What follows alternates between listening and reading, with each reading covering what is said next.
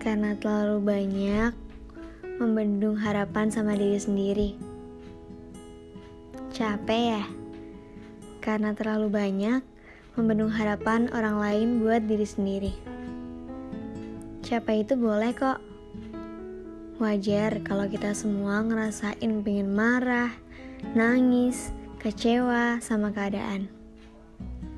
Keadaan dan realita kehidupan yang ternyata jauh dari harapan. Gak apa-apa, keluarin aja dulu emosinya. Emang perjalanannya harus begini dulu.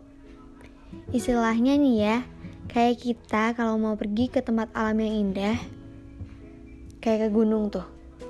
Pasti kebanyakan harus melewati rintangan kan?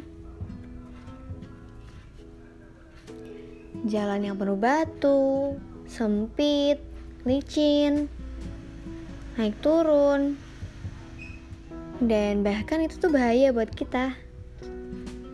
Tapi kadang demi ngelihat sesuatu yang kita mau, kita mau kan lewatin itu? Dan kita pun sampai di tempat tujuan yang kita pengenin. Pasti semuanya itu bisa dilewatin. Semangat dong.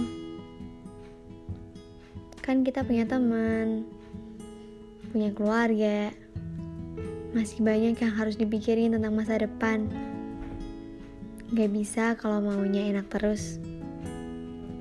Yuk biasanya tetap kita lewatin kan semuanya. Come on.